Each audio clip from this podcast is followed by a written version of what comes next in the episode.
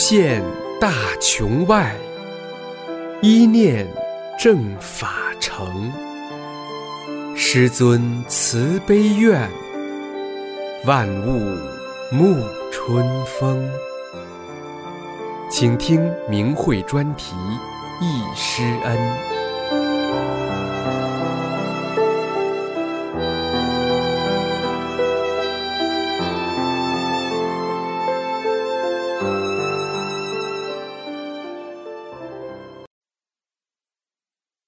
请听明慧专题忆师恩文章《长春弟子忆师恩》，二零一三年十二月二十五日发表于明慧网，作者长春大法弟子。一两次听师傅代工报告后，天幕看到的景象。一九九二年夏天，我有缘听了师傅两次代工报告，这两次代工报告使我很兴奋。听到了从来没有听到过的讲课，但有些记不住。那时还没有书，只觉得好。一天中午一觉醒来，我刚刚睁开眼睛，就眼睁睁地看到一双水晶鞋从我面前走过，完全透明的，晶莹剔透，非常漂亮。我心想：怎么这么清楚啊？真真切切的。正当我想到这儿。在我面前展开一本蓝色封面的书，书一下子翻到中间停下来。到后来我才知道，正是以后出的《法轮功》一书。这是我第一次天幕看到的景象。实际上那时师傅就在管我了，让我看到是鼓励我好好走光明路，好好学这本书这部法。二，参加了师傅的讲法学习班后。天幕看到的情形。一九九二年九月八日到十七日，我正式参加了师傅在吉林省委礼堂举办的讲法学习班。在学习班上，我看到师傅金灿灿的身体放着金光。回到家中，我拿起师傅的照片，端坐在写字台前，想看看师傅。当时没别的想法，就想看师傅。一下子，相片变了，好像我进到了一个空间。师傅变成了一个西方人的形象，高高的鼻梁，深深的眼睛，面容清瘦、端正、严肃，是典型的西方人的面容。镜头一个接一个的变化，我又看到师傅是一个中国人的形象，很年轻，穿着中山装。接下来又看到师傅变成了孙悟空。再往下，我不敢看了。我心想，这照片怎么会变呢？而且总在翻动，是真的还是假的？这可是师傅啊，怎么回事？从来没见过这样。我放下师傅的照片，又拿起自己的一张照片，想用自己的照片再试试看看。我什么也不想，静静地看着。这时镜头又在翻动，我变成了一个男子，光头。眼睛双眼皮，很年轻漂亮。我想，怎么有点像历史上的某个人啊？我随着镜头接着看，我又变成了一个女子，年轻，长得好看，着装富贵华丽。下一个还是一个女子，仍然那么漂亮。我当时想，我怎么越变越丑啊？我现在的长相都没有以前的我长得好。我不想看了，心想。可能是真的，因为我看东西都是眼睁睁的看，真真切切的，而且清楚。看后，我只和我最好的朋友说过，对别人不敢再提起，因为看的对不对也不知道。那时很早嘛，不太懂。三到师傅家，记得刚听完师傅代工报告后不久，同修就把我和我的孩子带到了师傅的家。师傅的家住在一处没有暖气的很老式的旧楼，住四楼。我们走进师傅的家，首先映入眼帘的是一个过道，右边有一个小厨房，很简单的几样厨具，但很干净。从过道进入里屋是一个套间，外屋是一个厅，里屋是卧室，都不太大。看到屋内有几个学员在和师傅说话，我们就在客厅里等。我仔细看看师傅的这个客厅，墙上挂的几幅画深深地吸引着我。一幅是一尊女佛画像，莲花座有好多层，端坐放着光；另一幅是道家的画像，穿着道家的服饰，身体周围也放射着火焰似的光；还有一幅是孙悟空的画像。这时，同修告诉我说，这些画都是师傅用蜡笔画的。我非常吃惊，怎么用小孩画画的蜡笔画的？同修说：“是啊。”我真不敢相信，怎么能画得这么细腻、惟妙惟肖？眼神画得逼真传神，怎么跟活了一样？我心里对师傅肃然起敬。几个同修从屋子里和师傅一起走出来，我们怕影响师傅，就和我的那位同修和孩子一起走到外面等师傅。等师傅送走几位同修后，同修就把我和孩子介绍给了师傅。师傅站在我和孩子面前，向我和孩子的头上方看了看，说了一句：“挺好的。”当时法轮功是以气功形式在传，我初期对师傅的认识也很浅，只觉得师傅是很正很正的气功师，和其他任何气功师都不同。我虽然当时听不懂师傅讲的这几个字的意思，还是对师傅给我和孩子肯定的话感到高兴。四不二法门的严肃性。师傅九二年九月在长春吉林省委礼堂的讲法学习班结束后，就到北京去传法办班了。我们送走了师傅，又开始了各自的工作。那个时候真的很乱，乱七八糟的气功班多的是，一股脑都在师傅办班期间出来了。还有专门传宇宙语的，我亲眼看见有人在学。我很反感，不知他们说的什么。我不想说，觉得这和佛不沾边。哪里有佛呢？对了，庙里有佛像。我对寺院又感兴趣了，所以当同修领我去寺院后，我皈依了，还领了一个证，取了一个什么法号也没记住。师傅不在家，早把师傅讲的法忘了，更不知道该怎么修。当时自己的悟性很差。师傅已经让我看到了许多真实景象，鼓励我，我也都抛在了脑后。师傅从北京回来了，我们去接师傅，和师傅坐在一辆车上。我看到师傅非常严肃，也不说话。我和另一个同修也一句话不敢说。大体我的心里明白点，我做错事了，可能不该到庙里皈依吧。当我后来明白时，我想师傅一定很伤心，看到我们不专一修炼，看到我们乱来，把法轮弄变形了。师傅在吉林大学礼堂明放宫又连续办了两期讲法班，这回我真的听明白了，知道错在了什么地方，知道了不二法门的严肃性和在不二法门出问题后的危害等许多法理。我当下丢掉了皈依证。决心从今以后就专一修炼法轮大法了。两期学习班结束后，我在写给师傅的心得体会中写了两行字：“师傅只有李洪志，心中只有法轮功。”师傅在吉林大学办班期间，曾为一百多人治病，人们排起了长队。师傅亲自选定了极大练功点，净化了场地。天目开的学员。看到场上一片红光照着，还有师傅法身看场，有许许多多法轮在场上空旋转。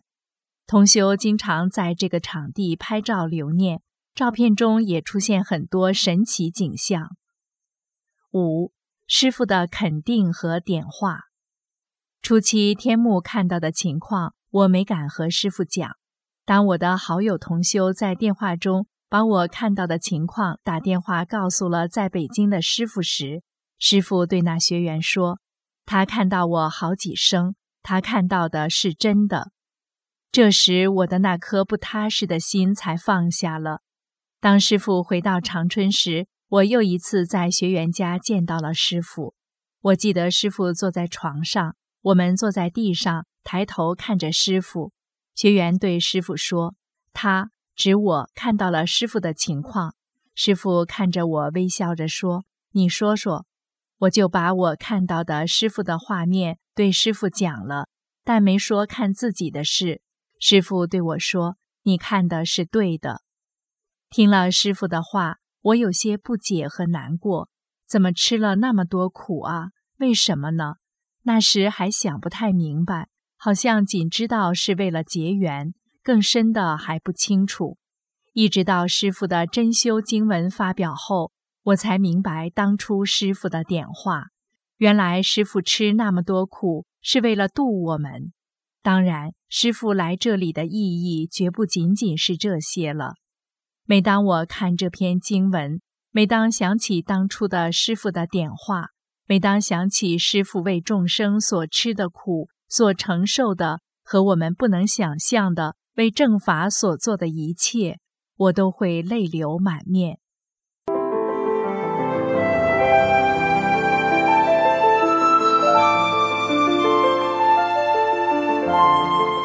您现在收听的是明慧专题《一师恩》。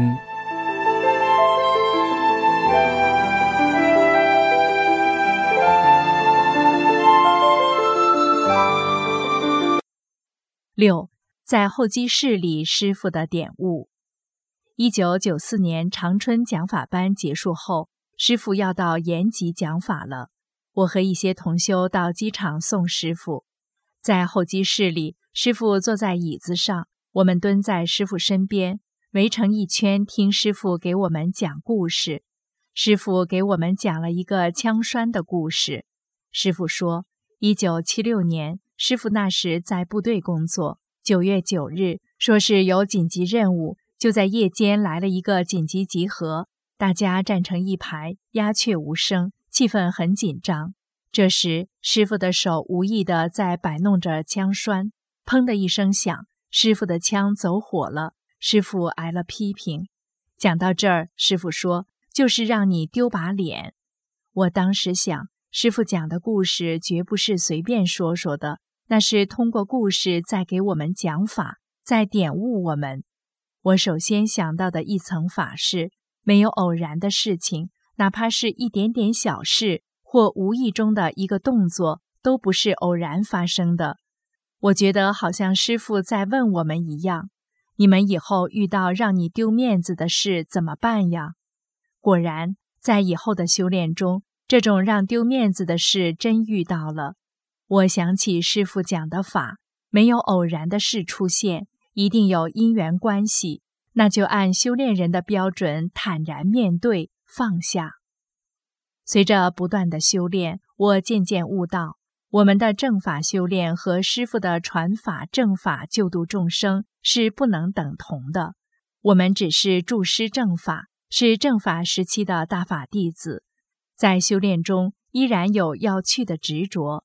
但以各种借口给师傅安排的麻烦事，那都是旧势力干的，是对师傅正法的干扰和破坏。师傅安检登机的时间快到了，我突然想起，好像自己有一件什么事要问师傅，怎么一见师傅想不起来了呢？我想啊想，脑子仍然一片空白。我赶快问和我经常在一起的同修，我要问什么了？快帮我想想！我一问，同修想起来了，他马上对师傅说：“他指我，为什么练功时两脚总往外冒凉气？”师傅看看我，停了一会儿，慢慢说：“他总想他的父母兄弟姐妹，他们的病气都从他这儿走了。”再往下，我记不住师傅的原话了，大概是你自己修不成，谁也管不了。师傅说完我的问题，就去登机了。我望着师傅上电梯的身影，眼泪在眼圈里转，心想：师傅，您说的太对了，我的问题是在这儿啊。但没想到会在练功中体现出来。我的情太重，尤其是亲情，真难放下。当师傅指出我的致命问题后，像是重锤在敲我，该放下了，快好好修。你修好了，才可以帮助更多人。在以后的修炼中，我重点去修去这个情，从看淡到渐渐放下。七，从师傅讲法录音带中一字不差地整理师傅讲的法。一九九四年夏天，师傅在长春办完几期讲法班后，就让一部分弟子把师傅讲的法从录音中一字不差地抄写下来。我和一位同修。我们两人分的是整理师傅讲法录音中的第三章，我们整整用了三天的时间才抄写好。从录音中真的一点也不能有误，师傅讲的每一句话、每一个字都不能丢掉，更不能根据自己的理解随意加任何一个字，哪怕是地方方言的讲法，都要按录音原封不动地写出来。我们聚精会神。几乎是趴在录音机上仔细听、仔细记录，不能有半点疏忽，一个字不能漏，一个字也不能错。我们当时都觉得这件事太重大，我们有机缘做此项工作，非常荣幸。但当时我们还不知道要出《转法轮》一书，只知道师傅让做就做好，不能出一点错。师傅讲的法都是师傅讲的。师傅出的书都是师傅写的，师傅自己改的，我们只是一个字一个字帮师傅从录音机中记下来，都是师傅的，没有任何我们或别人的东西掺杂在里面。这是我们这些当年参与此项目弟子最清楚不过的事实。八，参加师傅在长春辅导员会上的讲法。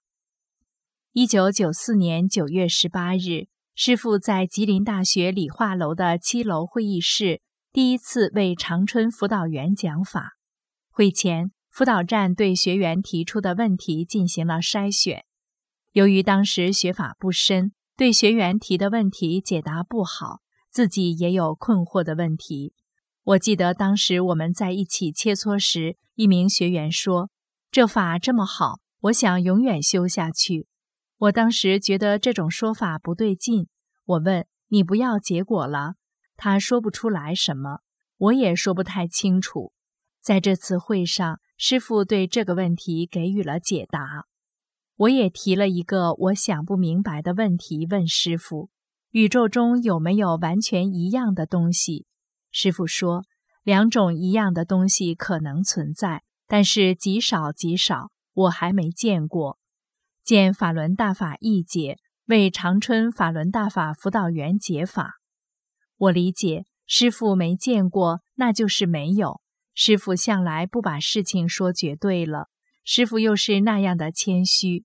其实我这个问题的提法带有知识探讨的意思，和修炼的关系不大，但师傅还是慈悲的解答了。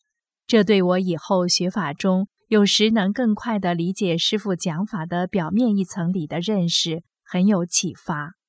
我悟到，每个生命从产生时期就带有不同特点，没有一样的。体现在今天的大法弟子修炼上，路也是不一样的。每个人都得走自己的路，这是由于每个生命先天和后天多种因素决定的。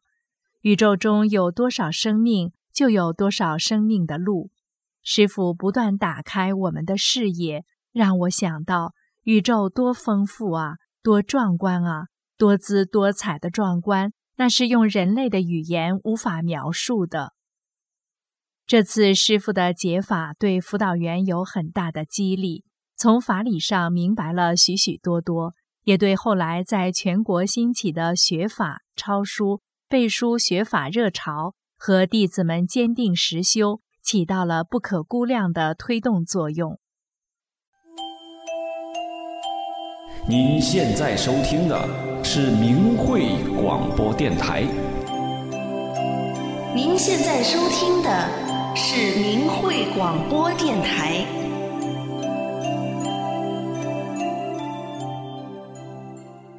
九，追火车求师傅给我弟弟看病。情不是说放就能放下的，那得在磨难中，在痛苦的取舍的历练中去看淡，去掉它，达到标准不动心。一九九四年，我唯一的一个弟弟，大学教授，刚刚从日本访问回来，就头疼，到医院检查，确诊为脑瘤晚期。家里人带他到北京准备手术。当问我意见时，我不同意。当下决定找师傅给看。师傅没在家乡，在北京，但什么时候回来，师傅现在在哪里，不知道。我想了一个办法。终于打听到了消息，师傅马上要坐火车回来。我马上买了到北京的火车票，和弟弟一起找师傅。我们知道了师傅的车次，也买了相同的车票。实在太巧了，我和弟弟刚进站，就看到师傅在一节车厢上的门口站着。我飞快地奔向师傅，和师傅说了情况，求师傅给我弟弟看病。师傅说：“等火车开了，你带你弟弟到中间车厢，我给看。我们的车厢和师傅的车厢挨着。火车开了，我把弟弟带过去。师傅给我弟弟调整身体。只见师傅从我弟弟身上拿出一个东西，攥在手里。师傅转向我，面对窗子说：‘你能不能看见他在我手里还叫呢？还动得挺有劲。’我忙说。”师傅，这我看不到。师傅把手里的东西朝窗外一扔，我虽然看不到，但我知道那一定是什么灵体，挺厉害的，可能是讨债的吧。师傅又在我弟弟的头上调了调，说好了。过了一会儿，师傅给我送来两个梨，一手拿一个，对我说：“这个你吃，这个给你弟弟吃。”我赶忙接过来说。那不用洗了，师傅说还是洗洗吧。我洗了梨，我们都吃了。过了一会儿，师傅又来看看我弟弟，我弟弟也不说话，我很着急。你怎么不知感谢师傅呢？是我师傅在给你看病啊。平时你不是很懂礼貌的吗？今天怎么了？我对自己弟弟的无礼很难过。这一夜，我弟弟在这么多天的病痛中。第一次睡得这么好，我静下来开始想：师傅多累呀！我给师傅添了多少麻烦？师傅为什么给我们梨吃？是什么意思呢？当时脑子很乱，都被亲情占据了，也没想明白，一夜没睡。早上师傅很早就起来了，我和师傅站在窗前向外看，快到站了。我想起师傅一夜的辛苦。想起我给师傅带来的麻烦，想起不懂事的弟弟不知感恩师傅。后来知道脑瘤压迫神经，说不好话了。看着师傅，我控制不住自己，只是站在那里一个劲的流泪。师傅知道我为什么哭，站在我身边不说话。车到站了，师傅对我说：“我先下车了，要送美哥上学。”我目送着师傅。看着师傅的身影走向了地下通道，直到看不见为止。这时来了两名同修接师傅，问我师傅呢？我说刚下车，刚走地下通道，你们快追。后来听同修对我说，他们追师傅一直追到师傅家，师母对他们说，师傅半夜就回来了，现在在家睡觉呢。啊，怎么回事？我明明看师傅下的火车，看得清清楚楚，从地下通道走的，怎么会半夜到家的呢？是法身还是分身？我们说不好，但知道一定是神通。还有一件事，在这次回长春的火车上，我的一个朋友在火车上也有缘见到了师傅，但他是一个把知识看得极重的迷中人。只见他走到师傅面前，问师傅：“你用什么办法证明你的是正确的？你用什么科学手段证明你的是对的？”我很生气，也很着急，心想：“你不是送站吗？快下去吧！”我不愿意他对师傅不敬，不愿意看到他那种口吻问师傅。我看到师傅笑眯眯地看着他，不说话，他无趣地走了。师傅的举动、一言一行都在告诉弟子一些法理，让我们悟道。十，明白了师傅的点化。弟弟回家后出现了一些清理身体的状态，但他是常人，仍把他看成是病，放不下。家里人也是相同想法。同修又问师傅，师傅说让他们家人给好信息。家里人不信，决定手术。很快到北京天坛医院做了切除手术，又到山东淄博做了伽马刀手术。当回到老家不久，病又复发，这次不能再手术了，就住院治疗。我两次到医院护理，第一次去医院，我包里装了一本法轮功。到医院，我给弟弟念法，弟弟又自己看了一遍，看后他用左手给我写了一行字。为什么癌症会在咱们家族落在我身上？我说不清具体原因，但我知道肯定是有原因的。我这样写给了他，他也勉强坐起来学打坐，但实在不行了。手术的原因，右面身体偏瘫，不能说话，打激素，胖的不行。一次，他坐在椅子上，一下子摔下来，我扶不起他。看到原来那么帅的一表人才的弟弟被疾病折磨成这样，我又扶不起来他，我心酸的不行，眼泪直流。这次护理完回来后，我仔细的想自己的问题，还是情放不下对弟弟的亲情，他一直在揪着我的心。我想起师傅给的梨，这不是点化我吗？一人一个，不是分离吗？师傅早就看到结果了，他是常人，放不下病，注定上医院。医院能不死人吗？师傅还讲过，我这里不讲治病，我们也不治病。但是真正修炼的人，你带着有病的身体，你是修炼不了的。我要给你净化身体，见转法轮。还讲过，危重病人不让进场。作为修炼人。我做的都不对，在情的带动下把自己搞乱了。明白后，当我第二次去医院护理时，能按法的要求坦然面对了，也能放下心了。我想，我弟弟是有福分的，见到了师傅，师傅还给调了身体，还学了两遍法。对于死，我想他不会害怕的，他也会明白的。一九九五年。我弟弟安然离世，在一次梦中，师傅点化我，在两个悬崖之间有一条布带，我要通过布带走过悬崖。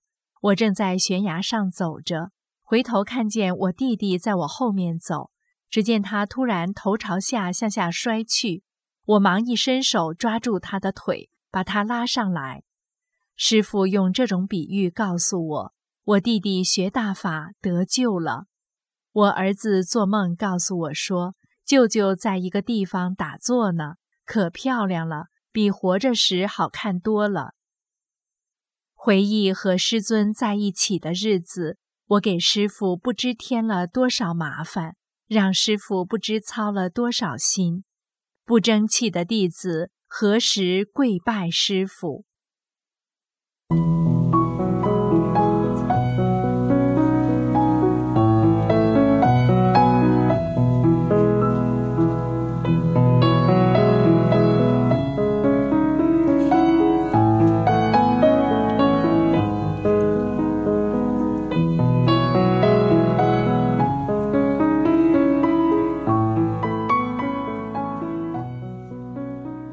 请听明慧专题《易师恩》，文章题目：我所经历的大法红传时期的故事。易师尊在国内传法时点滴事。作者：东北大法弟子德云。明慧网二零一五年二月十五日。弹指一瞬间，师尊在人间传法正法已经走过二十二年多了。师父为证大穷，当年传法时吃了很多苦，奔走于大江南北。留下了许多神迹，在邪党统治的社会中，能够把这个大法红传开，使上亿人得法，身心健康受益，让有缘人真正的修炼上去。明星公派真神啊！在初期，师傅为了让人们了解法轮功，也出手为许多人治病。在我家亲戚中，就有三人有这样的荣幸。一九九二年夏天，姑父常年连在医院没有办法的情况下，只能是等死了。幸运的是，师尊给治好了。小姑是心脏膜脱落了，是师傅给补上了。要是去医院，得花十几万元，也不一定能治好的。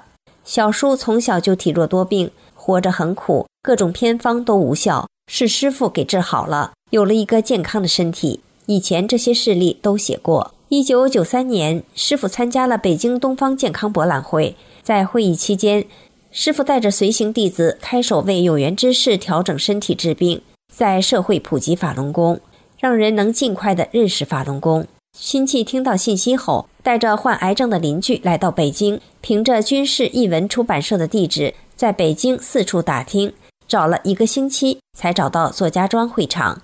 这位患者已经不能行走了，被家人抬着来到会场。治病的人很多，两个展位一时容纳不了，人群拥挤，甚至要挤到旁边的展位上去了。而这位患者非要找李大师师傅，看场内人很多。找一处场外肃静点的地方，给这位患者调整、清理、净化身体。这位患者当时就能下地行走了。亲眼目睹的人都无不为之惊叹。手到病除，妙手回春。师傅挥手之间，就让患者脱离苦痛，得救者数不胜数。即时，法轮功在北京一下引起轰动，享誉全城。博览会上，李大师获得博览会最高奖——边缘科学进步奖。和大会的特别金奖，以受群众欢迎的气功师称号。在本届博览会上，李洪志大师是荣获奖励最多的明星气功师。三场报告会场场爆满，连会场的人行道栏杆上都坐满站满了人。每次听完李大师的报告后，全场掌声雷动，经久不息，大家对李大师赞不绝口。法轮功热点持续升温，两个字：神奇。这是什么公派？众口一致。明星公派，初闻大法。九三年，亲戚在博览会期间购买了一盘法轮功录像带，内有简介、教功、报告会及记者专访师傅给病人调病的典型事例。九四年正月，亲戚来我家时，拿来录像带、录放机让我们看，跟着学练功。那段时间是我们家有缘得法的基础。亲戚告诉我说，看教功带跟着练功，身体就能得到调整。可神了！家里有四人跟着学练，天天晚上按照教功带学练，眼睛看着李大师亲自教功的动作及要领，耳朵听着练功音乐，都带有大法慈悲的能量，强大的能量场。宫中各种反应都有，热、冷、拉、吐、咳嗽、头疼等消夜、净化身体的症状都出现了，不知道是怎么回事。师傅把我的天目也打开了，闭眼练功时。佛菩萨、山水等图案都给显像了。高空中，一尊菩萨拿着法器木鱼，在一下一下敲打在众生头上，梆梆声敲醒我们这些夜滚夜滚过来的风尘已久的迷失之徒，灵魂在震撼朦胧中感受到了大法师父是来救度众生来了。有一天，在我眼前由远而近，徐徐飘过一尊金光闪闪、头发卷卷的、手结着印的佛的坐身像。后来知道是师傅法身，内心顿生喜悦之感，发自心灵深处的充满整个生命的幸福感。问其他人看见佛了吗？原来这是慈悲的师傅为了度化弟子，一次一次点悟给我显真相，真是太幸运了。师傅传宇宙大法，我的身心沐浴在佛光里。于同年三月份预购了参加师傅面授班七张票，于四月二十八日至五月八日参加长春七期班。有佛缘是化来的。一九九四年四月二十八日至五月八日，我有幸参加了师傅在长春办的第七期法轮功学习班。因为要参加的人数特别多，约三千多人，场地有限，所以学法班分白天班和晚上班，共计十天。一九九四年四月二十七日，我们全家及朋友到达长春市，暂住亲戚家。第一天开班。我们十人乘坐无轨电车赶往会场的中途停电了，大家下车徒步走，大约有三里的路程才能到达会场——吉林大学明放宫礼堂。时间很紧，大家怕迟到，都急急忙忙赶路。谁也没有想起，还有一位患颈椎增生、压迫脑神经的患者，他来长春一个多月了，在医院看病花了一千多元钱也没治好，钱也花完了。听说李大师办班传法，也就跟着来了。说来神奇，让病痛折磨得死去活来、疼得直撞墙的这个患者，却和大家走得一样快，头也不觉得痛了，一切不适症状全消。进课堂后全好了。原来一路上师傅就给他调整身体，十堂课下来和健康人一样。在学习班的日子里，每天课后休息时，在门前场地，我们几个学员站在师傅身边看师傅。眼前的师傅很亲切随和，没有一点架子。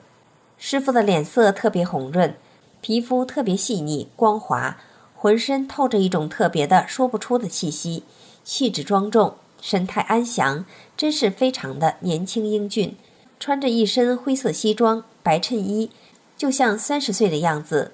每天课后结束时，我们久久不愿离去，总想在师傅身边多待一会儿，多看师傅一眼。每次都等师傅上车了，我们才离开会场。那年五月一日的上午，主办单位根据学员的要求与师傅合影留念，师傅欣然同意了。每个地区的学员按顺序站好，师傅一组接一组的和学员合影。当师傅与我们地区留影时，师傅上下打量，瞅一眼家父。当时也不明白是怎么回事，后来明白了。师傅在讲法中说，有许多学员过去看见过我给常人治病，我根本就不需要动手的，我瞅瞅你就好了。瞅你的时候就打出东西去了，我从身体任何一个部位都可以打出神通去。打出去之后，你那儿马上就好。选自洛杉矶市法会讲法，这是千真万确的。那时家父老来丧子，日夜思念儿子，都想病了，整日以泪洗面，四处找人打听，全家人都跟着担忧牵挂，谁也没有办法。这次家父也来找寻师傅请教，但看到师傅特别忙，没有机会问。但师傅什么都知道，在讲课中说。有的人放不下他的儿女，说如何好，他死了；他母亲如何好，也死了。他悲痛欲绝，简直下半生要追他去了。你不想一想，这不是磨你来了吗？用这种形式叫你过不好日子。选自《转法轮》，常人可能理解不了。你要执着这个东西，你根本修炼不了。所以佛教中没有这个内涵。你要想修炼，人的情就要往下放。选自《转法轮》。家父听到这段讲法时，知道了是说自己呢。在强大的能量场加持下，确实把心中的烦恼全忘了。照相那天回到驻地时，老父亲说：“真神了，大师管我了，不想哭了。大师度我这样的学员太费劲了，太沉。大师真是大慈大悲呀！”我家亲戚中有十三人参加过师傅面授讲法班，就如同在八十年代。一位有功能的亲戚说：“在咱中国，以后的真神、真佛、真菩萨都落在人身上。将来最大的佛出在咱东北，你家与最大的佛缘分很大。你家其中有一人能领大伙修好，指助师弘扬大法，引导有缘人练功。我得法后才明白，那人说的是真的。因为当初参加学习班的学员多数是有病的，有事儿心里解不开结。”求师傅给化解渊源的等等，为了去病健身而来的，在学习班上对师傅讲的法理还听不太明白，不能完全理解的，就知道好有道理，爱听。那十天班在每一天当中，身体都会发生很大变化，而有的人瞪眼睛问法轮是怎么下的。我看到整个传法场上空顶部有一个大法轮，落下小法轮的人瞬间就得着，也就是下上了。法轮是有灵性的，认识人没有缘分，法轮不上身。当学练到法轮装法时，大法轮在双臂间转，散发着紫色光圈，感觉到法轮在小腹部位也转，并给不同的学员调整身体后下法轮，看得很真切。师傅在欧洲法会讲法中说：“再把那金光闪闪的法轮和整个这部法的许许多多东西往你身上下，使你能够修炼。”给你净化那已经无比肮脏的身体，这是开天辟地都没有人敢做的事情。选自欧洲法会讲法，心中有一种喜悦的感受，真的好幸福。十天班结束了，在回家的路上，我一直在心里对师傅说：“法轮大法法理深深打入我心灵深处，融入了生命中。”牢记师傅在最后一课中说：“其实大家已经起到了主力军的作用，特别是在这段时间，你保证是个主力了。”选自《法轮大法一解》，为长春法轮大法辅导员解法。一年后，在真正的弘法修炼中，才体会明白是走在弘扬大法的前头，要在这一地区中所起作用的。当遇到过关难时，放不下执着苦恼时，看一看师傅和我们合影照片，那是身为弟子的骄傲，那是有缘在先，一切烦恼全消。一日为师，终身为父。对修炼者不再是传统中的世道尊严，而是超越生命的归宿。修炼之路是道，是光明。十八年走过，风雨洗礼，道路蹉跎。法轮功修炼者与师尊相逢的喜悦，注定了我们成为大法的见证人。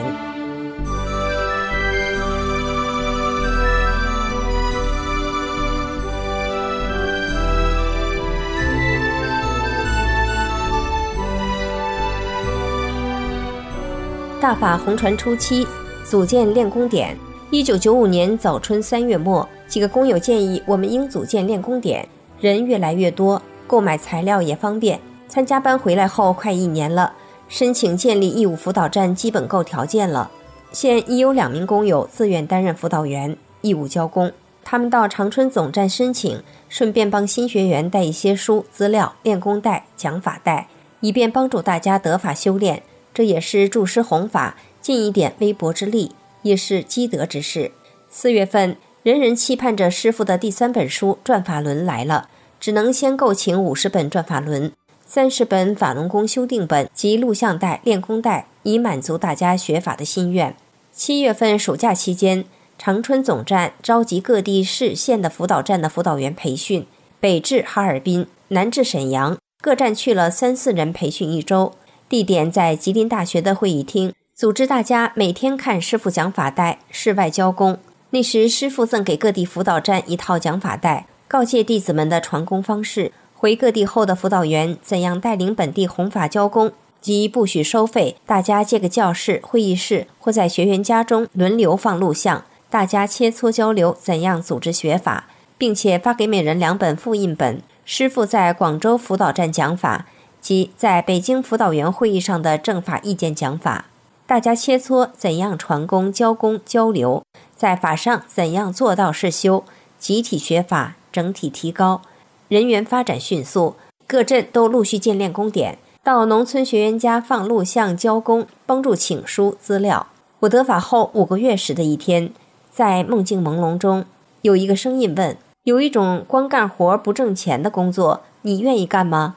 当时我主元神没思考，脱口就说干。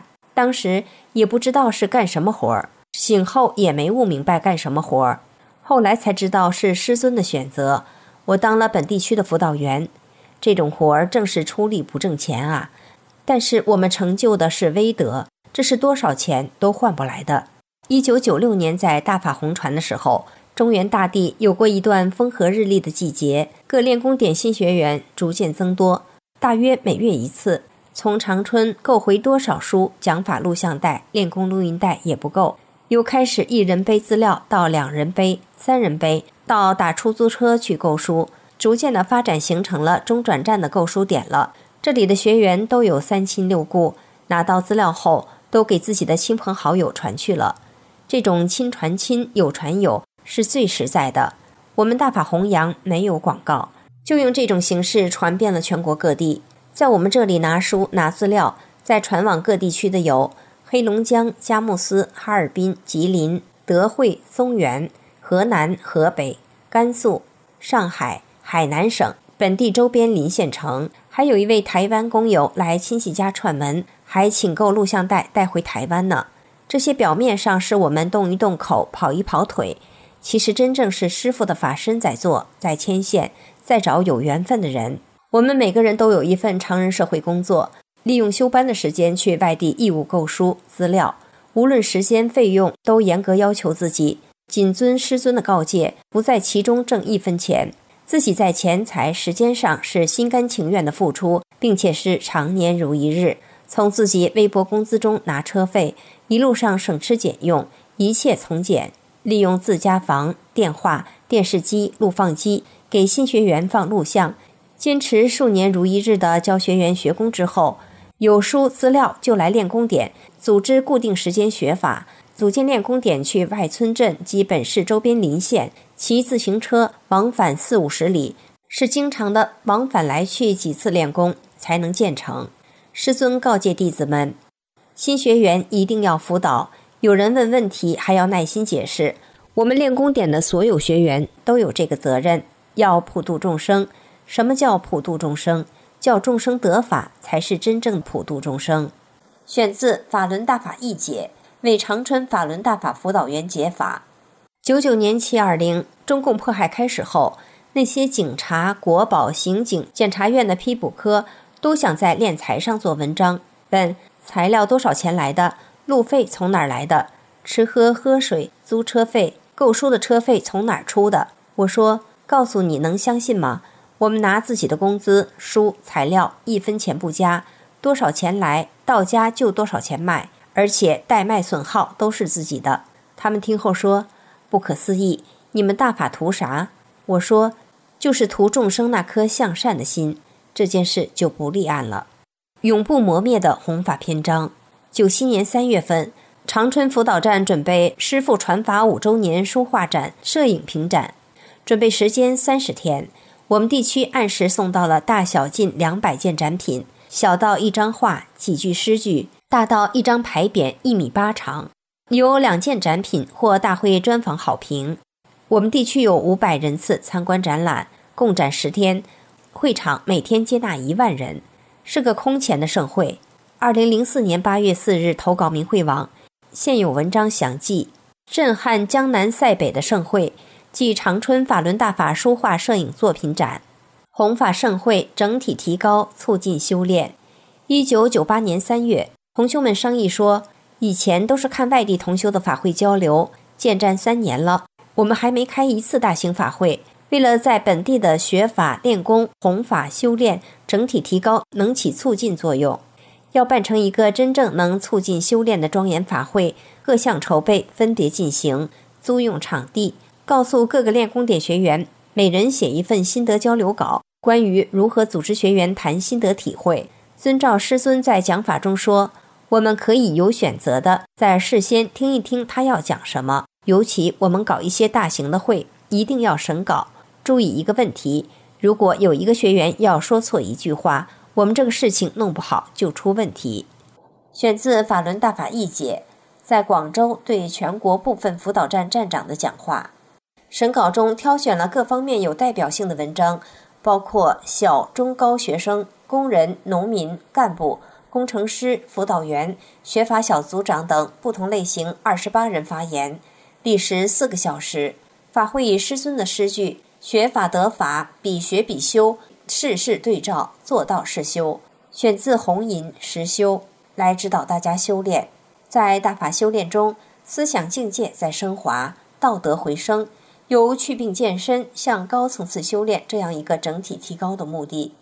铭记在心的记忆，那是一九九八年七月二十六日，我以一名辅导员、老学员的身份，非常荣幸地参加了师尊在长春辅导员法会讲法。聆听了师尊对辅导员、老学员的嘱托和那无限深情的教诲及期望，从那时起，深感自己在修炼的路上，不但要修好自己，更感到自己责任的重大。每当拿起在长春辅导员法会上讲法这本书时，总是忘不了那一幕幕激动人心的场面，耳边回荡着师傅那谆谆教诲，总是热泪夺眶而出。会场设在长春香格里拉国际饭店大厅的礼堂。二十六日下午，参加法会的学员从四面八方陆陆续续来到饭店门前入场。按照顺序，我们是第一批入场的。当我一走进大厅礼堂时，首先映入我眼帘的是主席台前及四周摆满了鲜花，绚丽夺目。会场庄严肃穆，温馨祥和。与以往每一次法会不同，当时我非常激动而兴奋地跟旁边同修说：“师父亲临会场。”可身边同修都不相信，因为师傅已去美国定居，而这次法会谁都不知道是什么内容。我说：“你们等吧，一定的。”入场结束，会场鸦雀无声，座无虚席。五点整，慈悲的恩师突然出现在入场的大门口时，顿时全场响起了雷鸣般的掌声。师傅面带微笑，稳健地步入会场。在师傅经过的过道两旁的学员、弟子纷纷向师傅握手；离师傅远的学员、弟子都不约而同双手合十，向师傅行佛家礼。学员向师傅献鲜花。师傅健步登上讲台，单手立掌向学员弟子致意。长久掌声之后，师傅示意学员坐下。师傅知道弟子的心情，想看师傅清楚一点，所以师傅坐得高一点。我们都怀着无比崇敬而喜悦的心情，聚精会神地聆听师傅讲的每一句话。对我触动最大的是，师傅在讲法中说：“在座的辅导员、老学员。”你们做了许许多多你们还认识不到的伟大的工作，真正的是伟大的工作。你们觉得你们做的事情好像是比较简单，也不像常人的领导工作还有些报酬。你们完全都是凭着自己的热情和对大法的认识在做，看上去简简单单，没有什么惊天动地的事。但是我告诉你们，在常人这边表现的越平常的东西，可能在你们看不见的。在你们所修炼的这个境界中表现的，却是真的轰轰烈烈的。也就是说，你们不要把你们的工作看得那么太简单。你们既然做了这个工作，就要把它做好。选自长春辅导员法会讲法。当听到这时，一股暖流通透全身，激起了自己对这份工作的神圣感。因为有时带着人的狭隘观念去待人做事，有时遇到各种矛盾，没有守住心性。没有按照师尊的大善大忍去做。师傅说，往往我们在修炼中也没有什么轰轰烈烈的，都是在常人的各种矛盾的表现当中磨练我们的心性。选自长春辅导员法会讲法。因此，这些年当中，我一直遵循师傅的教导，努力去做。法会休息十多分钟，弟子们都围在师尊身边，向师尊请教在修炼中遇到的各种各样的问题。师傅一直微笑着，耐心的解答。法会历时五个多小时，大家都觉得没听够。已经晚上十点多了，大家也不觉得累，不饿。法会结束时，学员弟子们恋恋不舍地送走师傅，久久都不愿离去，沉浸在幸福和喜悦之中。后来听负责主办的弟子说，这次法会租用的礼堂是师傅付的钱，没用学员弟子一分钱。